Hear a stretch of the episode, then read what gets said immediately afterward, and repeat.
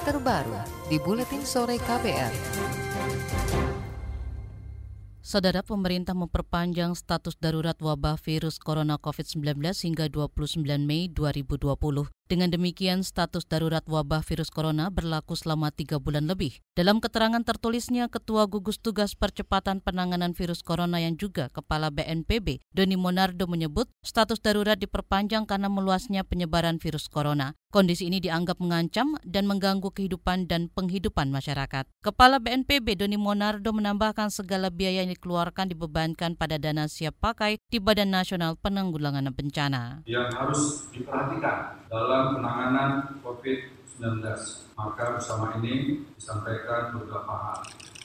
Semua kebijakan daerah yang terkait dengan COVID-19 harus dikonsultasikan terlebih dahulu kepada pemerintah pusat melalui gugus tugas percepatan penanganan COVID-19 Sebelumnya, Saudara, gugus tugas percepatan penanganan virus corona meminta seluruh kepala daerah tetap berkoordinasi dengan pemerintah pusat dalam menentukan kebijakan penanganan penyebaran virus corona COVID-19.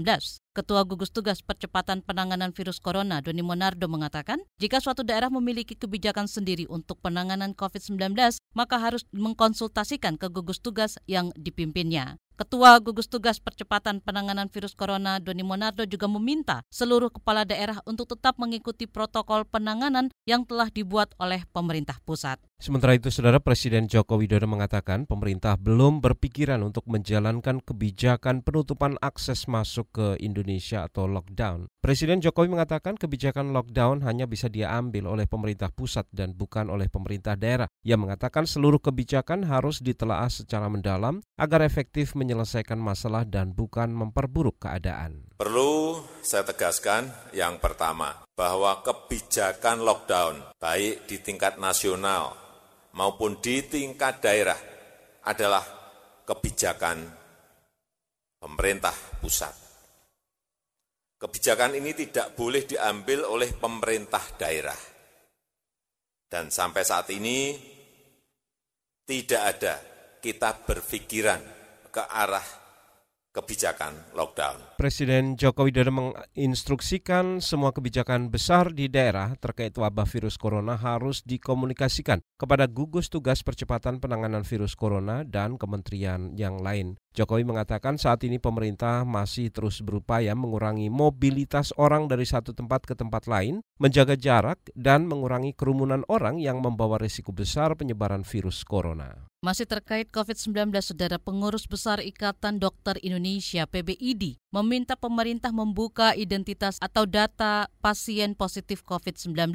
Ketua Umum PBID Daeng Muhammad Fakih menyebut transparansi data pemerintah sangat dibutuhkan untuk memudahkan penelusuran kontak pasien dengan orang lain dan memprediksi penyebaran virus. Dia menyebut pembukaan data pasien diperbolehkan dalam kondisi saat ini. Bahwa membuka rahasia kedokteran dalam kondisi sekarang itu tidak bertentangan dengan hukum positif di Indonesia. Tidak bertentangan dengan peraturan perundang-undangan. Malah disebutkan untuk kepentingan umum yang mengancam terjadinya KLB, sekarang bukan hanya mengancam terjadinya KLB, tapi sudah uh, pandemik, ya, mengancam keselamatan kesehatan individu maupun masyarakat, maka dibolehkan membuka rahasia kedokteran. Itu tadi Saudara Ketua Umum PBID Daeng Muhammad Fakih. Sementara itu Dewan Pakar PBID M. Nasir menyebut ada empat undang-undang lex spesialis dan satu peraturan Menteri Kesehatan yang menyatakan data pasien bisa dibuka untuk memenuhi kepentingan umum dan tak bertentangan dengan hukum. Nasir menambahkan membuka data pasien bisa mempermudah penelusuran sehingga upaya penanganan COVID-19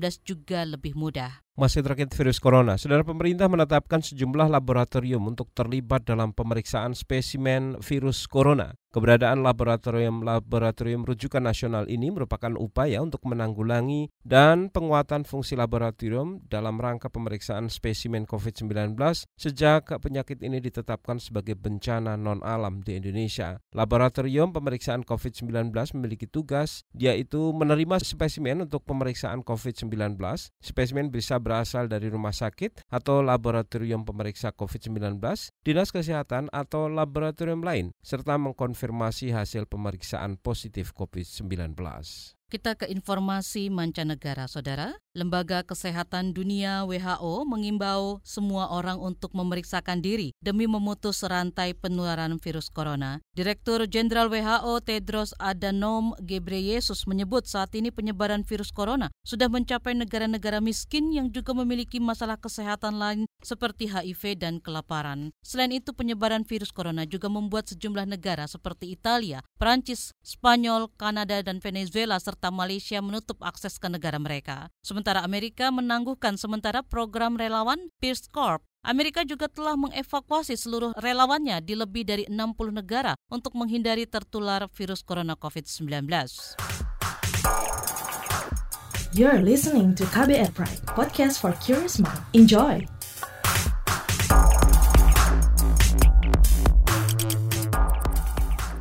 Anda sedang mendengarkan buletin sore dari KBR. Siaran KBR mengudara melalui lebih dari 500 radio jaringan di Nusantara. Bagi Anda yang ada di Jakarta, Anda bisa menyimak siaran kami melalui Radio Pelita Kasih RPK 96,3 FM. Saudara, pemerintah Provinsi DKI Jakarta bakal memberikan insentif sebesar Rp215.000 per hari kepada tenaga medis yang terlibat dalam penanganan virus corona COVID-19 di ibu kota. Gubernur DKI Jakarta Anies Baswedan menyebut tenaga medis menghadapi resiko terpapar yang besar dan harus melayani pasien dalam jumlah yang terus meningkat setiap harinya. Karena itu kami di Pemprov DKI Jakarta akan memberikan insentif khusus kepada tenaga kesehatan dan tenaga penunjang lainnya yang terlibat di dalam penanggulangan bencana wabah COVID-19.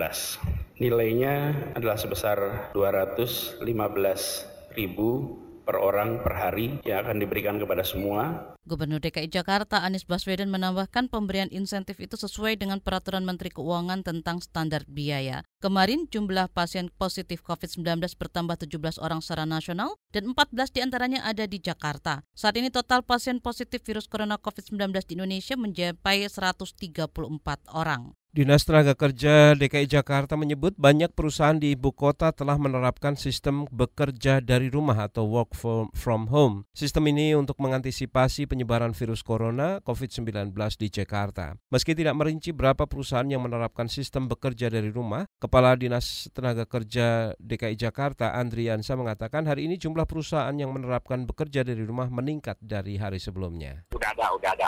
Ya dari kemarin pun sudah ada. Oh. Sekarang pun sudah pasti sangat ada karena bisa dilihat dari tingkat lalu lintas di jalan. Jadi lenggang nggak? Nah, itu indikatornya itu aja, gampang kan? Tapi nanti datanya bisa lihat di Instagram kami deh. Nah, tentu kelihatan deh. Saya selalu update ke situ saja. Kepala Dinas Tenaga Kerja DKI Jakarta, Andri Yansa menambahkan, kebijakan bekerja dari rumah atau work from home dilakukan untuk mencegah penyebaran COVID-19 di lingkungan perkantoran. Selain itu, kebijakan bekerja dari rumah juga untuk mendorong program social distancing atau menjaga jarak sosial yang saat ini sedang digerakkan oleh pemerintah. Andriansa mengatakan imbauan itu sudah disampaikan dan disosialisasikan melalui kepala dinas masing-masing dan juga melalui asosiasi pengusaha. Majelis Ulama Indonesia MUI memutuskan pengurusan jenazah muslim yang positif terpapar virus corona COVID-19 sesuai protokol medis dan syariah. Sekretaris Fatwa MUI Asrorun Niam Soleh mengatakan pengurusan jenazah muslim seperti memandikan dan mengkafankan harus dilakukan oleh pihak yang berwenang. Sementara untuk mensalatkan dan menguburkannya dilakukan sebagaimana biasa dengan tetap menjaga agar tidak terpapar virus corona COVID-19 setiap orang wajib melakukan ikhtiar menjaga kesehatan dan menjauhi setiap hal yang diyakini dapat menyebabkan terpapar penyakit. Karena hal itu merupakan bagian dari menjaga tujuan pokok beragama atau al-daruriyat al Yang kedua, orang yang telah terpapar virus corona wajib menjaga dan mengisolasi diri agar tidak terjadi penularan kepada orang lain. Sekretaris Fatwa MUI Asrorun Niam Soleh menambahkan bagi orang yang terinfeksi virus corona COVID-19, maka salat Jumat dapat diganti dengan salat zuhur. MUI juga mengeluarkan fatwa haram bagi pasien positif COVID-19 untuk melakukan aktivitas ibadah sunnah yang membuka peluang terjadinya penularan seperti jamaat salat lima waktu atau rawatib, salat tarawih dan id di masjid atau tempat umum lainnya, termasuk menghadiri pengajian umum dan tablik akbar. Kita beralih ke informasi lain, Presiden Joko Widodo meminta agar program rehabilitasi dan rekonstruksi pasca bencana gempa di Nusa Tenggara Barat 2018 lalu segera dituntaskan. Dalam rapat terbatas bersama para menteri melalui telekonferensi, Jokowi mengakui rehabilitasi dan rekonstruksi rumah penduduk korban gempa belum tuntas. Padahal seharusnya program ini selesai pada Desember tahun lalu. Dari laporan yang saya terima, rehabilitasi dan rekonstruksi rumah penduduk belum dapat diselesaikan secara tuntas. Hingga Maret, 9 Maret 2020, dari target 226.204 rumah tercatat 168.684 unit rumah yang telah selesai dibangun dan 40 ribu rumah lainnya masih dalam proses pengerjaan. Presiden Joko Widodo juga meminta dana bantuan dan langkah-langkah percepatan pembangunan rumah untuk warga terdampak segera disalurkan. Ia mengatakan masih ada dana bantuan sebesar 72 miliar rupiah untuk warga di Lombok Timur yang masih tersimpan di bank, sementara di Lombok Utara masih tersisa 63 miliar rupiah. Asosiasi Gula Indonesia AGI meminta masyarakat tenang dan tak khawatir terkait kesediaan stok gula di pasaran. Tenaga ahli AGI Yadi Yusriadi mengatakan keterlambatan izin impor membuat proses kristalisasi gula dalam negeri ikut terhambat. Dia memastikan stok gula tetap aman dan harga akan normal hingga puasa jelang lebaran. Mungkin air bulan ini sudah insya Allah sudah mulai akan terkendali ya untuk harga gula. Karena suplainya sudah cukup insya Allah. Akhir bulan ini apalagi awal April saya perkirakan sudah sudah sudah terpenuhi awal April itu. Jadi menjelang puasa itu insya Allah sudah sudah terpenuhi untuk untuk kebutuhan gula nasional gitu. Jadi masyarakat saya kira eh, tenang aja ya nggak usah terlalu borong-borong ya. Gula masih ada walaupun agak mahal tapi nggak usah nyetok sampai April nggak usah nyetok aja sampai dua minggu gitu aja lah. Tenaga ahli Asosiasi Gula Indonesia AGI Yadi Yusriadi menambahkan, saat ini stok gula masih aman. Pasokan impor saat ini masuk ke Indonesia secara bertahap. Yadi berharap masyarakat membeli gula sesuai kebutuhan dan tidak resah dengan kenaikan harga di pasaran. Sebelumnya saudara harga gula mulai merangkak naik di pasaran hingga Rp18.000 per kilogram. Kita beralih ke bursa saham, saudara indeks harga saham gabungan IHSG hari ini kembali ditutup melemah. Pada perdagangan hari ini, indeks harga saham gabungan terus turun sejak dibuka pada posisi 4.690 di pukul 9 tadi pagi. Hingga penutupan sore ini, IHSG turun 241 poin atau turun 5,1 persen ke posisi 4.448 dan ini merupakan penurunan terendah dalam atau posisi terendah dalam satu bulan terakhir. Twitter Transaksi perdagangan cukup ramai di mana total frekuensi perdagangan saham mencapai 383 ribu kali dengan volume perdagangan sebesar 4,6 miliar dan nilai transaksi harian saham mencapai 6,2 triliun rupiah. Pelemahan saham juga terjadi di saham Shanghai Composite Index dan Straits Times Singapura, sementara indeks Nikkei Jepang dan Hang Seng Hong Kong menguat. Pelemahan saham juga terjadi di semua bursa saham besar Eropa dan Amerika Serikat dengan penurunan terbesar dialami Dow Jones yang melemah hingga 12 persen. Adapun rupiah hari ini diperdagangkan menguat di posisi 15.160 per 1 dolar Amerika Serikat. Kita ke informasi olahraga saudara Persatuan Sepak Bola Seluruh Indonesia PSSI menghentikan kompetisi Liga 1 dan Liga selama dua pekan untuk mencegah penyebaran virus Corona COVID-19. Keputusan itu diambil dalam rapat luar biasa Liga 1 dan Liga 2 2020 membahas kelanjutan kompetisi di tengah wabah virus corona di Jakarta kemarin. Rapat luar biasa itu dihadiri pengurus PSSI, Direktur Utama PT Liga Indonesia Baru dan manajer klub Liga 1 dan Liga 2. PSSI juga menunda kompetisi kompetisi futsal, sepak bola putri dan pemusatan latihan timnas Indonesia U19. PSSI juga meminta PT Liga Indonesia Baru untuk menyusun kembali jadwal pertandingan. You're listening to KBR Pride, podcast for curious mind. Enjoy!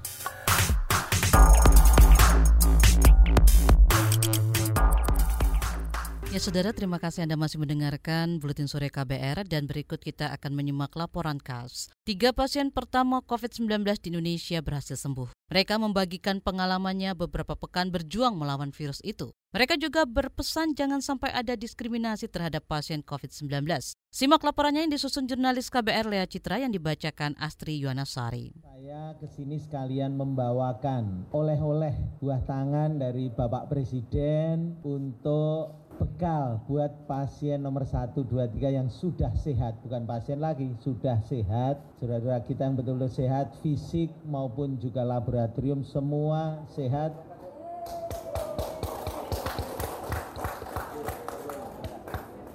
Senyum sumringah menghiasi wajah tiga perempuan pasien yang sembuh dari COVID-19 saat hadir dalam konferensi pers di Rumah Sakit Penyakit Infeksi RSPI Sulianti Saroso Senin 16 Maret lalu, mereka terlihat bugar dan sehat. Tiga pasien ini merupakan kasus pertama positif corona di Indonesia. Kasus terungkap usai salah satu dari mereka berinisiatif meminta tes COVID-19 lantaran memiliki riwayat kontak dengan warga Jepang positif corona di Malaysia. Salah satu pasien membagikan pengalamannya berjuang melawan virus. Ia mengaku sempat terguncang lantaran data pribadinya bocor ke publik. Beragam stigma dan diskriminasi makin menambah deritanya. Seminggu mungkin ya saya nangis terus gitu karena saya tahu yang dibicarakan oleh media, beberapa media dan orang-orang yang menyebarkan mengenai saya dan dan ibu saya dan menyerang profesi kami sebagai penari, penggiat seni dan pejuang budaya yang selama hidup kami satu keluarga kami selalu berbuat uh, apa pun yang kami bisa untuk Indonesia dalam hal seni dan budaya gitu. Dan semuanya harus ingat bahwa virus ini tidak memandang bulu, tidak memilih ras, agama, profesi apa pun dan bisa menular ke siapa pun. Wali Kota Depok, Jawa Barat, Muhammad Idris menjadi salah satu pembocor data rahasia warganya yang positif corona. Imbasnya dirasakan pula oleh warga kompleks perumahan tempat pasien tinggal. Mereka turut mendapat diskriminasi dan stigma sebagai sumber wabah corona. Lintas kami yang bocor gitu kan, itu juga mengakibatkan masyarakat luar tuh jadi panik karena saya mendapatkan banyak banget direct message di sosial media maupun WhatsApp apa pun tuh mereka nanya terus ke saya Mbak gejalanya gimana? Saya mau cek tapi saya takut. Saya takut nanti identitas saya terbongkar. Itu harus dijaga sekali. Dan untuk orang-orang di luar jangan menghakimi pasien yang positif COVID COVID-19 dengan berbagai stigma negatif karena ya itu pasien akan menjadi korban dua kali gitu. Satu pasien lain yang juga tinggal di wilayah yang sama mengucapkan terima kasih kepada para tetangganya karena bersedia menerima kepulangannya. Ia menyampaikan pesan kepada seluruh warga agar tidak panik karena justru bisa melemahkan upaya melawan virus corona. Pak RT Teguh Prawiro dan Anis Hidayah dan semua penduduk saya itu sangat uh, apa ya kondusif dan sangat menerima kami dan mengatasi semuanya. Saya bersyukur dan warga Depok please jangan panik. Kami semuanya harus tetap bahagia tetap senang untuk menumbuhkan imun di dalam tubuh. Ini pesan untuk seluruh Indonesia. Ketika kita panik pasti imun tubuh kita turun. Jangan panik kita ada Gusti Allah. Dan ini kesempatannya kita mendekatkan diri dan tahu bahwa yang punya hidup ini hanyalah satu-satunya Gusti Allah apa pun agamamu. Tak lupa ia mengapresiasi seluruh tenaga medis maupun pekerja RSPI Sulianti Saroso. Menurutnya, mereka patut mendapat penghargaan atas perjuangannya siang malam membantu para pasien corona. Baik dokter, suster, pekerja lab, dan cleaning service sangat membantu kami dan mereka 24 jam siap mendampingi kami. Dan saya ingin sekali pemerintah memberikan penghargaan, apresiasi, dan insentif untuk mereka yang 24 jam di garda depan. Dan mereka masih akan kerja terus saya nggak tahu mungkin enam bulan atau apa. Dan mereka juga punya family punya keluarga. Saya mohon perhatian untuk mereka karena mereka luar biasa kerjanya satu pasien sembuh, lain mengaku yakin bahwa COVID-19 merupakan penyakit yang bisa sembuh sendiri. Syaratnya, disiplin menjaga imunitas tubuh dan kebersihan diri. Itu adalah self-limiting disease, jadi sebenarnya kita punya kekuatan dari dalam diri kita untuk menyembuhkan asal kita disiplin minum air putih yang banyak, istirahat yang benar, asupan gizi dan sayuran dan vitamin yang benar, jaga imun sistem dan laksanakan personal hygiene yang ketat, rajin cuci tangan. Ia mendorong warga mengikuti imbauan pemerintah untuk melakukan pembatasan sosial. Pasalnya, ada kasus positif corona seperti yang dialaminya, tetapi tidak menunjukkan gejala sakit apa pun. Laporan tadi, saudara, disusun oleh Lea Citra dan dibacakan Astri Yuwanasari. You're listening to KBR Pride, podcast for curious mind. Enjoy!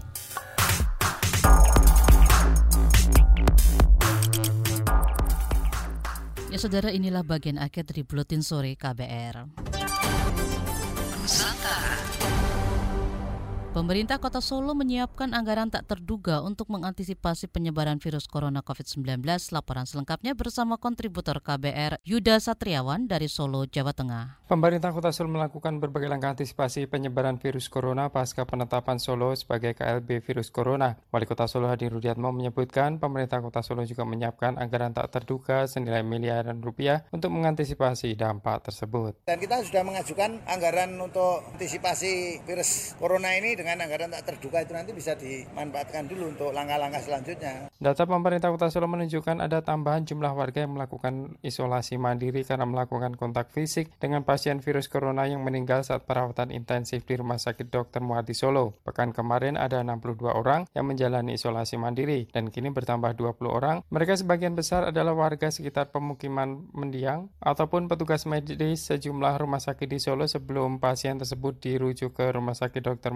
Solo. Penyemprotan desinfektan hingga pemberian bantuan logistik untuk puluhan warga yang mengisolasi mandiri di sekitar pemukiman mendiang pasien virus corona dilakukan pemerintah kota Solo pekan ini. Dari Solo, Jawa Tengah, Yudha Satriawan, KBR. Informasi tadi saudara menutup jumpa kita di Buletin Sore hari ini. Pantau terus informasi terbaru melalui kabar baru, melalui situs kbr.id, Twitter kami at berita KBR, serta podcast melalui kbrprime.id. Akhirnya saya Agus Lukman. Dan saya Fitri Anggreni, kami undur diri. Salam. Salam.